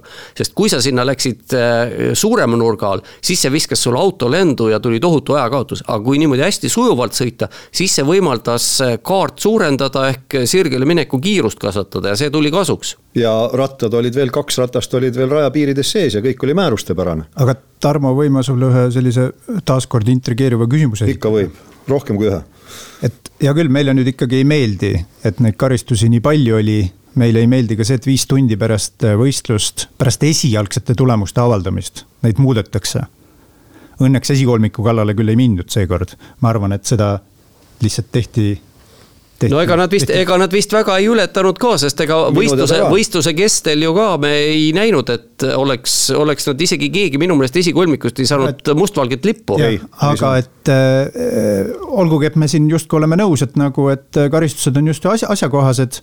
äkki peaks ikkagi loobuma sellistest karistustest ei, ei, ei, ei, ei, ei, ei, sõitjad peaksid rikkumisest loobuma, vaatame, kus on põhjus, kus on tagajärg, ega karistusi ei antud kõigepealt ja siis hakati rikkuma, ikka vastupidi. Lando Norrisele väga ilusti ütles see insener, et kuule, kõik rikuvad, ära sina riku no just, just, see ongi point. ja ta ei rikkunudki. just, ja oli teisi veel, Guan Yu Zhou näiteks äh, Twitteris äh, kilkas ka, et tema ühtegi korda ei käinud üle. ja olid vist ka, vist ka Aston Martini sõitjad mõlemad, kes ei saanud äh, ühtegi rikkumist kirja, et saab küll. sõitjad ometi väitsid, et seda on kole keeruline teha, kuna tuuleiilid ja vaata selle peale ja. me Toomase, Toomasega juba mainisime, tähendab, see on nüüd ka sihuke tingimuslik jutt, et väidetavalt oli stardis kakskümmend maailma parimat autojuhti. kes ei näe küll oma esirattaid, äh, millistest joontest nad üle sõidavad või ei sõida? ja noh, siin ma toon võib-olla väga totaka. aga mõned näevad. jah, aga ma toon võib-olla väga totaka paralleeli, et äh, noh, valdav osa meie kuulajatest on ka sõitnud hobikaardiga. ja kui te sõidate võistluse ajal, näiteks langekaardirajal ja lähete äärekivi peale, siis äh, selles mõttes see kart on hea võrdlus vormeliga, et vormelivedrustus on ka jäik ja kui sa lähed äärekivi peale, siis sa ikka väga tunned seda tagumiku ja, ja kätega, mis on roolil. no seal on nagu erinevused on selles, et äh, Austrias on need äärekivid enamasti on nii-öelda sakilised. ja, ja, ja see on väga ja Austrias on eraldi, on ka veel välja toodud, et on need äh, see sagedus, nende sakkide sagedus ja kõrgus on sellised, et need on väga ebamugavad sõitjale. aga kuna see annab ajavõitu, siis kõik trügivad sinna peale. nii, aga mis ma tahan öelda, et te olete kakskümmend maailma parimat autojuhti Teil on tagumikutunnetus imeline, teil on, ma ei tea, seitsmes, kaheksas, üheksas, kümnes meel olemas, mida meil kellelgi teisel ei ole. Te ju tunnetate kohe ära, kui te olete selle äärekivi peal, mis märgib ära, et te kohe-kohe hakkate raepiire ületama. kas tõesti ei suuda salvestada seda või?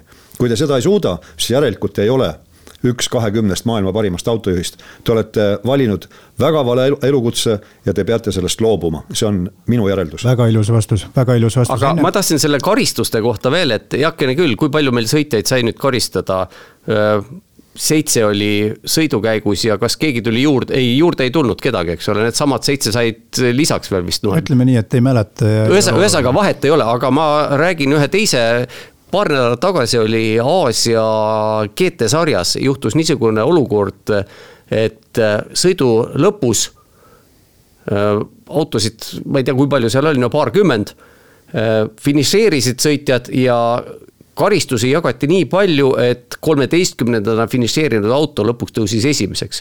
ja seal oli, põhjus oli väga lihtne, seal anti sõitjatele korraldus, rajal oli mingisugune mingisugune avarii oli juhtunud ja oli äh, turvaauto või õigemini oli virtuaalne turvaauto ja anti korraldus sõita läbi boksi tee ja enamik sõitjaid ei pannud seda tähele ehk need esimesed kolmteist ei pannud seda tähele, kõik said põmm, kolmkümmend sekundit ja kolmeteistkümnes auto, mis lõpetas, veeres üle finišijoone kolmeteistkümnendana, oligi võitja. neljateistkümnendana, vabandust, niimoodi. vaata, kui geniaalne oli eelmisel etapil Kanadas seesamune kuulus Wall of Champions millegipärast seal ei ületanud keegi rajapiire. ei taha jah betoon oli kole lähedal. ei, aga, aga kui me nüüd, kui me nüüd tõsiselt räägime, siis äh, mis need lahendused Austrias oleksid, see, et sinna kruus teha. tegelikult ühest küljest jah, okei okay,, Austrias mõnel pool on neljas, neljas-viies kurv, eks ole, keegi ei kipu seal väga rajapiire ületama, sest kui sa ületad, noh, heal juhul kaotad mõned sekundid. halvemal juhul pead sealt kruusast läbi ukerdama ja, ja päris katastroofilisel juhul sa jäädki sinna. aga mina väidan, et see ei ole päris hea, sest rajad ju millest rajad elavad, esiteks Austrias muidugi, mis on probleem? Äh,, MotoGP. MotoGP ei taha kuuldagi mingitest äh, täiendavatest uutest äh, kruusaaladest. ja ärme võib-olla räägi maailma tippsarjadest, räägime sellest, millest sa just mainisid, mida sa mainisid no,, millest elab. just, amatöörsõitjad, amatöörsõitjad, kujuta nüüd ette, et sa lähed, sa lähed rajapäevale ja sa sõidad sinna kruusa sisse esiteks, punkt üks, sul on see rajapäev rikutud, punkt kaks äh, tõenäoliselt saab sul auto, tavaline tänavasõiduauto saab päris kõvasti kannatada, ehk sa pead hakkama veel selle pealt maksma. kolmandaks, kui niikaua, kui sind sealt välja aidatakse, kõik teised ju võetakse rajalt maha, nemad saavad ka veel kannatada. see ei, ei, ma saan täiesti aru, miks äh, rajaomanikud ei taha kuuldagi sellisest lahendusest. üks võimalus oleks muidugi ehitada selline võib-olla meetrilaiune muru või kunstmururiba või midagi taolist. selleks valgest... puhuks, kui, kui vormelid seal sõidavad. ja noh, aga me ju rääkisime saate Oleme... alguses, meil oli jutt, meil oli jutt, mis toimus äärekividega laupäeval. Nad olid libedad. jah teeme need teeme äärekivid libedaks. teeme äärekivid libedaks näiteks mingi, mingi libesti või asjaga. jah, muidugi siis jälle, jälle tegelikult siin tekib jälle MotoGP-ga küsimus, eks ole, et kui sa, kui sa MotoGP tsikliga lähed sinna kergelt tagumise rattaga sinna peale, siis noh, pärast, kuhu sa maandud, keegi ei tea jah, kiirused on seal ju pöörased, sirgekiirused tihtipeale oluliselt suuremad kui vormel ühe. ongi oluliselt suuremad, kolmsada kuuskümmend kilomeetrit tunnis on tänavu no, ehk rohkem, rohkem kui sada meetrit sekundis. mootorrattal, mitte autol. jah, kus sul ei ole mingit Aga... turvapuuri ega midagi, nii et noh, üks asi on see, et ma ei saagi päris hästi aru, kas siis seal vormel ühes praegu minu arusaamist mööda MotoGP-s on elektrooniline tuvastus, kui ületatakse rajapiire. kas siis vormel ühes ei ole või? No minu meelest ka ei ole, aga teisest noh, see elektrooniline tuvastus oleks üks lahendus muidugi, aga kohe ma küsin vastu, äh, selle töökindlus. jah, nõus ja, ja nagu üldine põhimõte, et kohtunikel peaks olema ju kaalutlusõigus et mitte, mitte noh, muidugi seda võib, reegleid võib muuta vastavalt. sa võid reeglitesse sisse kirjutada, et, et sõidab võistleja üle rajapiiri. Äh, saab ta kokpitis piiksu, näeb oma selle väikse display pealt, kuule, esimene rajaületus ja lo, las loendab seal. las, las käid, loend-. käid teine korra veel, käid kolmand-, kolmas kord veel ja nüüd mõtle, kas sa tahad ühe korra veel minna. kui äh, ei näe jooni, äh, tuuleiilid on liiga suured, juba, jube ebakindel on sõita, no aga siis tuleb, tuleb, tuleb vastavalt tagasi ja tuleb vastavalt tagasi. võtad, hoiad tagasi, aga vaat FIA peaks selles osas küll miskit ette võtma, et, äh, et antud juhul oli tegemist farsiga jah, ta kujunes, kujunes see karistuste hulk kujunes farsiks, aga endiselt ma ütlen, et põhjus ei olnud mitte reeglites, vaid selles, et sõitjad lihtsalt kas, kas tahtlikult või tahtmatult, aga lihtsalt astusid neist üle. ja minu meelest sellele noh, andis tõuke see periood, kui Michael Masi oli ikkagi võistluste juht, et seal läks ju tema viimasel aastal läks noh, tõeliseks farsiks, mul on eriti hästi see Katari etapp meeles kui kurvist kurvi rajapiirded, piirid, mitte piirded, vaid rajapiirid kurvist kurvi muutusid. kord luges, kord ei lugenud. jah, ja, ja aga küsimus ei ole isegi mitte selles, aga sõitjad harjusid ära sellega, et kui noh, ütleme ausalt, ülbitseda rajal, kogu aeg rikkuda neid reegleid ja siis möliseda ka veel, no siis muudetakse, siis tehakse nii, nagu meie tahame. kes kõige kõvemini karjub, sellel on õigus. aga mis te sellest arvate, kui homme sõidetakse seal teine etapp järgmine etapp, nagu meil juhtus kahe tuhande kahekümnendal aastal. ei, kohe oleks. kõik vähem. oleks nagu mööda nööri. nagu mööda nööri, täitsa kindlalt kohe. ma arvan ka, jah. päris kindlasti. aga jah, ühesõnaga, mille peale mina mõtlesin ja tükk aega mõtlesin siin kohe ja tegelikult olen aastaid mõelnud, sest me, ma mäletan, me rääkisime sellest teemast äh, juba kahe tuhande kahekümne esimesel aastal ja ilmselt olete teie sellest ka varem rääkinud. et aga siiamaani, no üks asi on see, kui meiesugused siin räägivad, aga teine asi on see, kui eh, FIA ja, ja, ja tipptasemel sport, ütleme siis eh, maadleb sellist laadi probleemiga. et kuidas paganama moel ei ole võimalik seda tehnoloogilist taset kasutades päriselt põhimõtteliselt poeskänner sinna auto alla panna ja, ja see ribakood sinna äärekivi peale panna. ja kui me räägime töökindlusest, siis no jumala eest meil ju igasugust telemeetrit jookseb edasi-tagasi autotiimi vahel, nüüd me ei saa sellist asja ära tehtud, eks, et äh, pigem on, äh, pigem on tahte puudumine siin. no tahte puudumine jah, ilmselt on üks asi, et ei ole sellist, sellist äh, tõsist pauku, nagu nüüd oli, sellist aga, ei ole. õnneks nüüd see pauk võeti kenasti vastu. jah, aga, aga töökindluse koha pealt ma räägin ühest teisest nädalavahetusel toimunud väga tähtsast võidusõidust, SPA kahekümne nelja tunni sõidust. seal ju juhtus niisugune asi, isegi vist minu meelest kahel korral, aga ükskord ma nägin ise, et täiesti ootamatult, ilma mingisuguse põhjuseta järsku kehtestus iseenesest see eh, kogu rada kollane režiim. Mitte mingit põhjust ei olnud. Ja sõitjatel on seal autos on kohe noh, rooli, rooli taga põhimõtteliselt on selline tabloo, see hakkab vilkuma FCY full course yellow.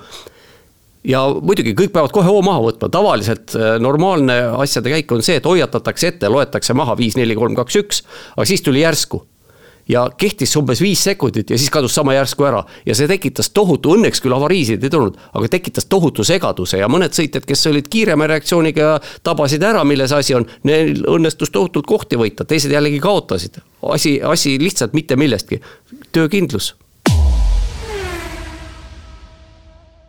aga nüüd äh, spaast rääkides peame nüüd saate kahjuks lõpetama selles mõttes natukene kurvemal toonil, jõuame selle teise õigemini päris palju kurvemal toonil ja jõuame selle teise valge elevandini juurde, kes meil siin toas on, et Spaas nimelt nädalavahetusel sõideti siis Formula Regional Europe sarja siis äh, osavõistlus. see on siis see sari, ütlen vahele, milles võistles äh, Paul Aron viimased kas kaks või kolm hooaega. kaks aastat jah, eelmisel kaks, aastal ka, seal oli e, suurima etapi võitude arvuga kuus sõitja. etapi võitu võitis jah. jah, ja, ja, ja nüüd kahjuks. ja, ja veel kord täpsustuseks, et see on siis äh, põhimõtteliselt need on vormel kolm autod, mis on natuke lahjema mootoriga. Nad ei ole praegused vormel kolm autod. ei, mitte on, praegused jah, jah.. aga see on vormel kolme ja vormel nelja vahepealne, ütleme nii, see on kõige täpsem määratlus. ja paraku siis äh, samamoodi keerulistes oludes, tugevas vihmasajus juhtus siis äh, kiirel Kemmeli sirgel. ja ütleme nii, et ikkagi pärast Oruusi kurvi seal. Oruusi kurvi, need sirgesektsioonid, mis seal järjest tulevad, äh, juhtus siis võistleja Dilana Van Hoffiga säärane õnnetus, kus tema auto siis äh, jäi tee peale risti ette ja, ja, ja kaasvõistleja siis äh, peaaegu täiskiirusel sõitis külje pealt sisse ja kahetsusväärsel kombel siis Dinano Vantov hukkus. no see avarii oli põhimõtteliselt koopia sellest, mis juhtus põhimõtteliselt samas kohas aastal kaks tuhat üheksateist vormel kaks võidusõidul Antoine Huberi ja äh, Juan Manuel Correa osalusel. seal olid küll ilmaolud. ja seal oli, ja seal oli kuiv, äh, noh, autod olid ka kiiremad, eks ole, aga põhimõtteliselt see, see üldine stsenaarium, et kuskil kaugel ees hakkab midagi toimuma, millest taganttulijad mitte midagi ei tea, sest seal on üle mäe, seal sõidetakse üles, üle, kuidas ma ütlen siis, üle mäeharja ja kui seal mäeharja taga juhtub midagi, siis sina seal mäe all ei tea mitte midagi sellest, ükskõik, kas sajab vihma, lund, paistab päike või, või mis muud. ja täpsustuseks, et kiirused on seal kõvemates klassides ju üle kolmesaja. no kõvemates klassides jah, aga põhimõtteliselt seal tänapäeval, tänapäeva autodega ja selle rajaprofiiliga sõidetakse kõikide autodega täisgaasiga mitte kordagi ei võeta kuskil gaasi maha. ehk siis ligilähedaselt noh, sekund, äh, sekundiga läbitakse umbes sada meetrit, noh. no päris, päris jah. nii palju ei ole, aga, aga jah, ikka, ikka aga päris meeletud, palju meetreid. meeletud meetrid korraga. aga kas see on selliseks spa mustriks saanud meil nüüd või? noh, mina ütleks, et kahjuks küll, sest äh, pärast Uberi avariid ja mis ei ole seal ainukene, seal on toimunud väga palju sarnaseid avariisid, enamik neist ei jõua küll avalikkuse ette GT-sarjades, väiksematel vormelitel, alles, alles mingi paar nädalat tagasi ma vaatasin Itaalia vormel neli etapp oli seal, kus noh, põhimõtteliselt samas kohas, kaks autot sõitsid kokku ja üks kukerpallitas, ma ei tea, mitu tiiru, kümme tiiru või, või niimoodi, noh, ikka põhimõtteliselt veeres nagu rull. ja, ja seal ei olegi midagi teha, sest see rajalõik on selline, et kui seal üleval künkaharja taga midagi toimub, siis allpool tulijatel ei ole mitte midagi, nad ei tea sellest ja nad ei saa mitte midagi teha, sest seal ei saa, sa pead hoidma seal gaasi peal. Sa või, võib seal natukene järele lasta, aga sa ei saa pidurdada, sa põhimõtteliselt ei saa mitte midagi teha. ja kui sa siis sealt künkaharja tagant nüüd välja tuled, siis sul reageerimisaega on imevähe, et sa midagi peaksid, saad üldse teha ja no isegi kui sa saad reageerida, siis sinu taga võib ju veel keegi olla, temal on veel vähem aega. ja veel, kui on vihme selline udu ümberringi, kus sa näed ainult vaevalt ees sõitva auto seda vihmatuld kas põlemas või vilkumas, siis äh, sa ei jõua reageerida absoluutselt ja kui sa nüüd küsid, ma saan aru, jutt üürib sinnapoole, et mis seal teha saaks, rada tuleb selles lõigus ümber ehitada, see on ainus lahendus. muuseas niimoodi, seda on ükskord ehitatud, kui te mäletate, aastal tuhat üheksasada üheksakümmend neli, ma vaatasin täna pilte. siis ehitati selle Eau-Rouge'i, noh, seal ei ole, tegelikult on kurve, seal on kolm kurvi isegi neli. O-ruus äh, on see kõige alumine, kõigepealt keeratakse kergelt vasakule, siis paremale, see on veel orus. siis äh, seal mäekünka otsas keeratakse uuesti vasakule ja veel natukene edasi on hästi lauge parem kurv, kust siis hakkab see Kemmeli sirge. ja, ja kogu see üheksakümne neljandal aastal pärast äh, Ayrton Senna hukkumist ehitati just see esimese, teise kurvi osa ehitati ringi, sinna tehti sisse hästi aeglane šikaan, mis tõesti selle ülemise osa muutis turvaliseks. aga see kestis ainult ühe aasta, sest see kellelegi ei meeldinud. noh, ütleme ausalt, ega minule ka ei meeldi, kogu see Rouge'i maagia läheb kaotsi sellega. ega ta turvaline oligi kuhugi sinna Kemmeli sirge keskpaigani, sest sel hetkel oli niikuinii nende autode kiirus kolmesaja ligi, nii et. Äh, jah, no aga, aga seal Kemmeli sirge keskpaigas sa näed, sul on nähtavus vähemalt. aga vihmaga mitte, ma arvan, et nüüd me saame siin ka vaadata natukene tagasi sellele, et kui meil oli tooaastas etapp seal spaas, kus siis äh, ringe vist ei sõidetudki või? tuhat üheksasada üheksakümmend kaheksa mõtled, kus juba ei, pärast ei, esimest kurvi kõik. ei, see, kõik... see oli nüüd hiljuti ju. aa, jaa, sa, jaa, jaa, sa mõtled seda etappi, kus sõideti üks ring. tegelikult ma arvan, täna me oleme tänulikud sellele võistluste juhile, kes otsustas mitte starti anda. ja selle, tema nimi oli Michael Maasi nii et midagi head ta tegi ka, aga tegelikult ka, et kui sellest spaar ajast rääkida, siis ikkagi noh. see, mis tehti üheksakümne neljandal aastal, see oli selline groteskne ülejala lahendus, sellepärast kõik olid tagajalgadel selle. ja see oli lihtsalt nagu häda, ütleme, ühiskond nõudis, et tuleb ja. midagi teha, et ja. kas see, kas see lahendus nüüd on efektiivne või, või on ta tõhus või on ta hea või halb. see ei olnud tegelikult üldse oluline, oluline, et nõuti, et pead, nüüd peab midagi, reageerima. ja midagi peab tegema, aga seal nii palju ruumi seal all nüüd küll on, et saab teha mingisuguse sellise noh, mitte päris šikaani, et äh, vasak-parem kiirelt, vaid äh, noh, natukene mingi sirgjupp ka sinna vahele, aga teravad kurvid, kus kiirus tuleb maha pidurdada ja siis hakkad praktiliselt nullist kiirendama sinna üles. see lahendaks olukorda. no ütleme, see oleks selle, äh, ütleme, Huberi õnnetuse ära hoidnud. ei oleks siis seal säärast kiirust olnud, aga, aga nüüd tolle nädalavahetuse õnnetuse, selle oleks ainult see ära hoidnud, kui rada, tähendab, raja siis piirded ei oleks nii lähedal rajale. aga seal ei ole ruumi kuhugi minna, nagu ma aru saan. rada muuseas ehitati ju rada ümber, eks ole, selle Uberi õnnetuse ja, ja paljude teiste õnnetuste tõttu. aga milles see ümberehitus seisnes? laiendati seda mäkke tõusuosa ja ainult vasakult poolt tribüün viidi kaugemale, aga ülevalpool põhimõtteliselt läheb ju rada ikka samamoodi, laksti lehtrisse kokku ja, ja läheb samamoodi kitsamaks, sest seal ei ole ruumi, ühel pool on mägi ees, teisel ja. pool on noh, põhimõtteliselt jäärak ees, org ees. ütleme nii, et mitte kuulajatele selgituseks, et mitte rada ei lähe kitsaks, vaid see äh, piiret. barjääride vahe. barjääride vahe läheb kitsamaks, jah et sõidetakse nagu sellisesse, sellisesse lehtrisse, noh jah, rada läheb tõesti sealt keskelt, see asfaldilint, aga seal ei ole ruumi, kummalgi pool ei ole ruumi. Aga spaas sõidavad vormel üks autod ja ka kõik muud võistlusklassid juba, juba mõne etapi pärast. ja, ja, ja üks, üks häälekamaid äh, protestijaid siin oli äh, Lance Stroll Max Verstappen ütles, et tegelikult Verstappenil oli etteheide eelkõige selle sõidukorralduse puhul. nimelt see vähe sellest, et vihmasadu, tegemist oli viimase ringiga ja oli just turvaauto rajalt maha läinud. aga see tähendab, et kõigil sõitjatel on pulss kolmsada ja kõigil on silmad piltlikult öeldes pulkas peas, sest kõik tunnevad, et nüüd on võimalus siit võtta korraga tõusta kahekümne seitsmendalt kohalt esimeseks. või noh, umbes niimoodi, et ja. kõik, kõik läksid selle peale välja, et on võimalik kohta parandada ja sõideti väga agressiivselt. ja teisel kohal olnud Tim Tramnits, kes äh, selle ahelreaktsiooni algatas noh, seda ei ole küll päris täpselt aru saada, aga tema jah, algatas selle. ja noh, tema võib nüüd ülejäänud elu ennast väga halvasti tunda. ta kindlasti ei teinud seda meelega aga kui üks asi on, ütleme, organisatoorne pool, siis seda on, ütleme niimoodi, et suhteliselt lihtne muuta. suhteliselt siis, lihtne muuta, äh, nagu Ameerikas, vihmaga ei sõida kõik moos. aga mida me rajaga teeme? Rajaga ei olegi midagi teha, vihmaga ei sõida. vihmaga ei sõida. no aga. või siis ikkagi on minu ettepanek, et ümber ehitada aga FIA-l on üks äh, nutikas ettepanek selle kohta, kuidas ikkagi saaks vihmaga sõita, sest me siin Euroopas ja ülejäänud maailmas ikka sõidame vihmaga. no me ei tea, kui nutikas see ettepanek nüüd on, seda hakatakse testima nüüd pärast Silverstone'i etappi, kui sa seda mõtled. just täpselt. ja, ja me tulemusi veel ei tea, on tehtud nii-öelda arvutisimulatsioone. no nii-öelda, nii-öelda porilauad, aga mina olen küll väga-väga-väga skeptilisel seisukohal.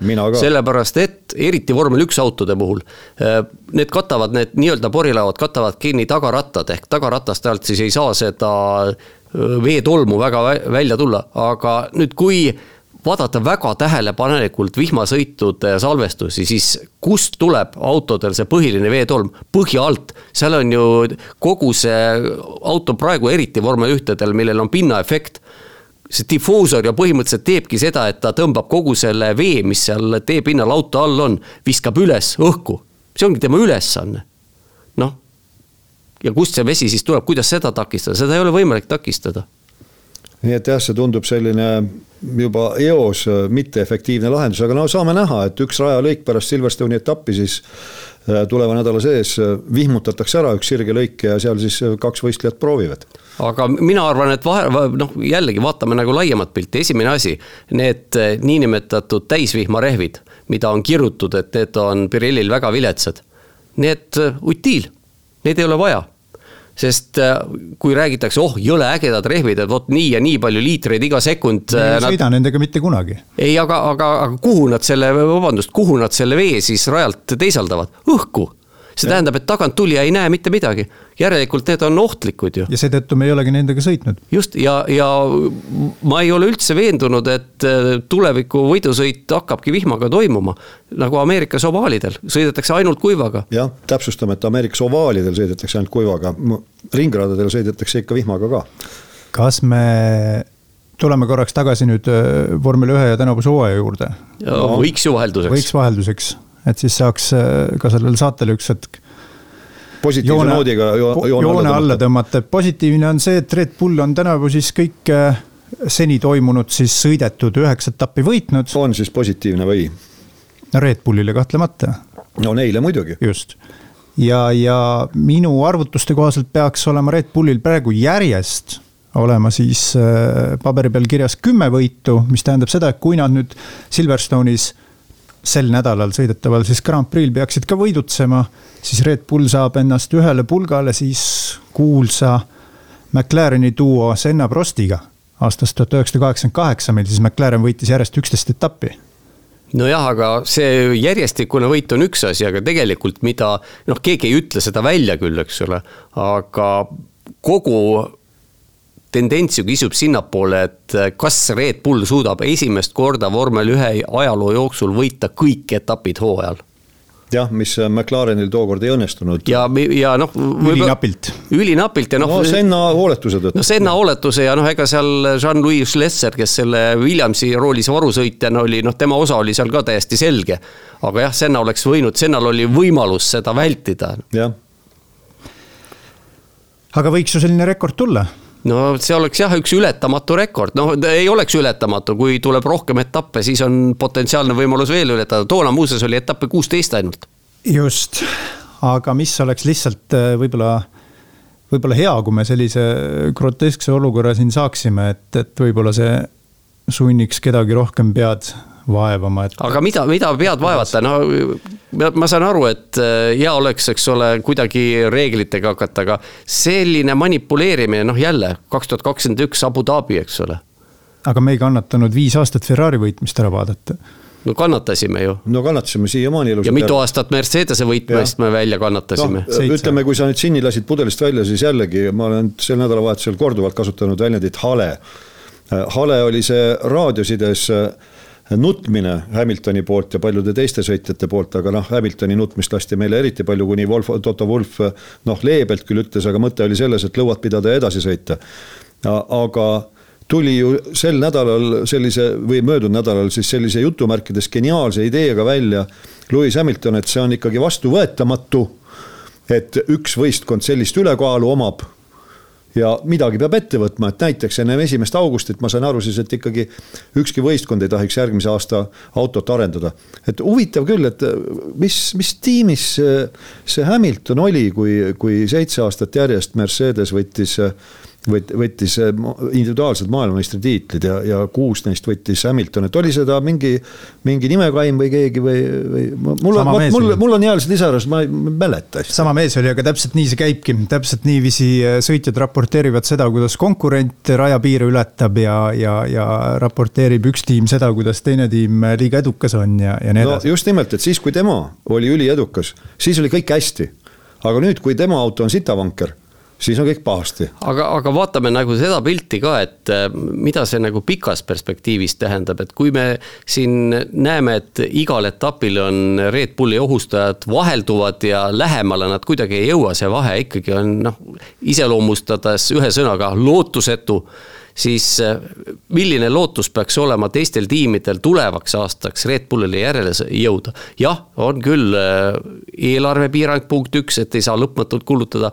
punkt kaks on see aerodünaamika simulatsioonide tuletunneli aja piirang, lisaks mida Red Bullil ju võeti maha karistuseks aga see vahe on nii suur, mina, mina küll ei näe, pealegi kui teised tiimid kulutavad seda praegu oma olemasoleva auto arendamiseks, millel Red Bullil ei ole ju eriti vaja kulutada jah, selles kontekstis äh, tundub küll, et, äh, et nagu lahendust hetkel ei ole, aga noh, võib-olla see on selline pikema vinnaga protsess et.... aga, aga seda on ju enne ka juhtunud, et suur reeglite muudatus tavaliselt noh, eelmisel aastal ju oli ikkagi põhimõtteliselt Mercedese ajastu lõppes, Red Bulli ajastu algas, heakene küll, Verstappen võitis kaks tuhat kakskümmend üks ka MM-tiitli, aga see oli ikkagi niimoodi no ütleme koba peale. jah sest eh, konstruktorite karikaarvestuses oli Mercedes ikkagi selge valitseja. ja no., ja vastupidi käib ka, et kui reeglid on kaua aega ühesugused olnud, siis äh, ka siis nii-öelda tullakse järgi. aga, loomulikult, kus aga, saab tulla. aga varem ei ole kunagi olnud eelarvepiirangut. täpselt. jah aga jah, Max Verstappeni edu praegu siis jätkuvalt teist kohta hoidva punktitabelis siis teist kohta hoidva Sergio Perezi ees on.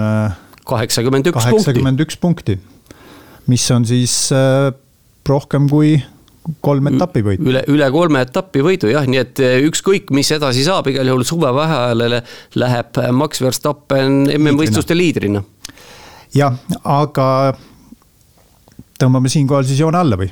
on meil veel millestki rääkida? oi, eks rääkida oleks ikka, aga ma arvan, et ikka, meie kuulajad on juba, juba väsinud natukene. juba limiidi täis rääkinud jah, ja kui me siin mainisime, et pärast Silverstone'i etappi hakatakse porilaudu katsetama, siis enne on Silverstone'i etapp juba sel nädalavahetusel. absoluutselt, noh, see on, õnneks on aastate pikku olnud ikkagi väga huvitav reeglina, on seal tihti ka vihma sadanud nagu Inglismaal kombeks. mis teeb eriti huvitavaks tavaliselt. seal õnneks ei ole rajapiiridega nii suuri probleeme.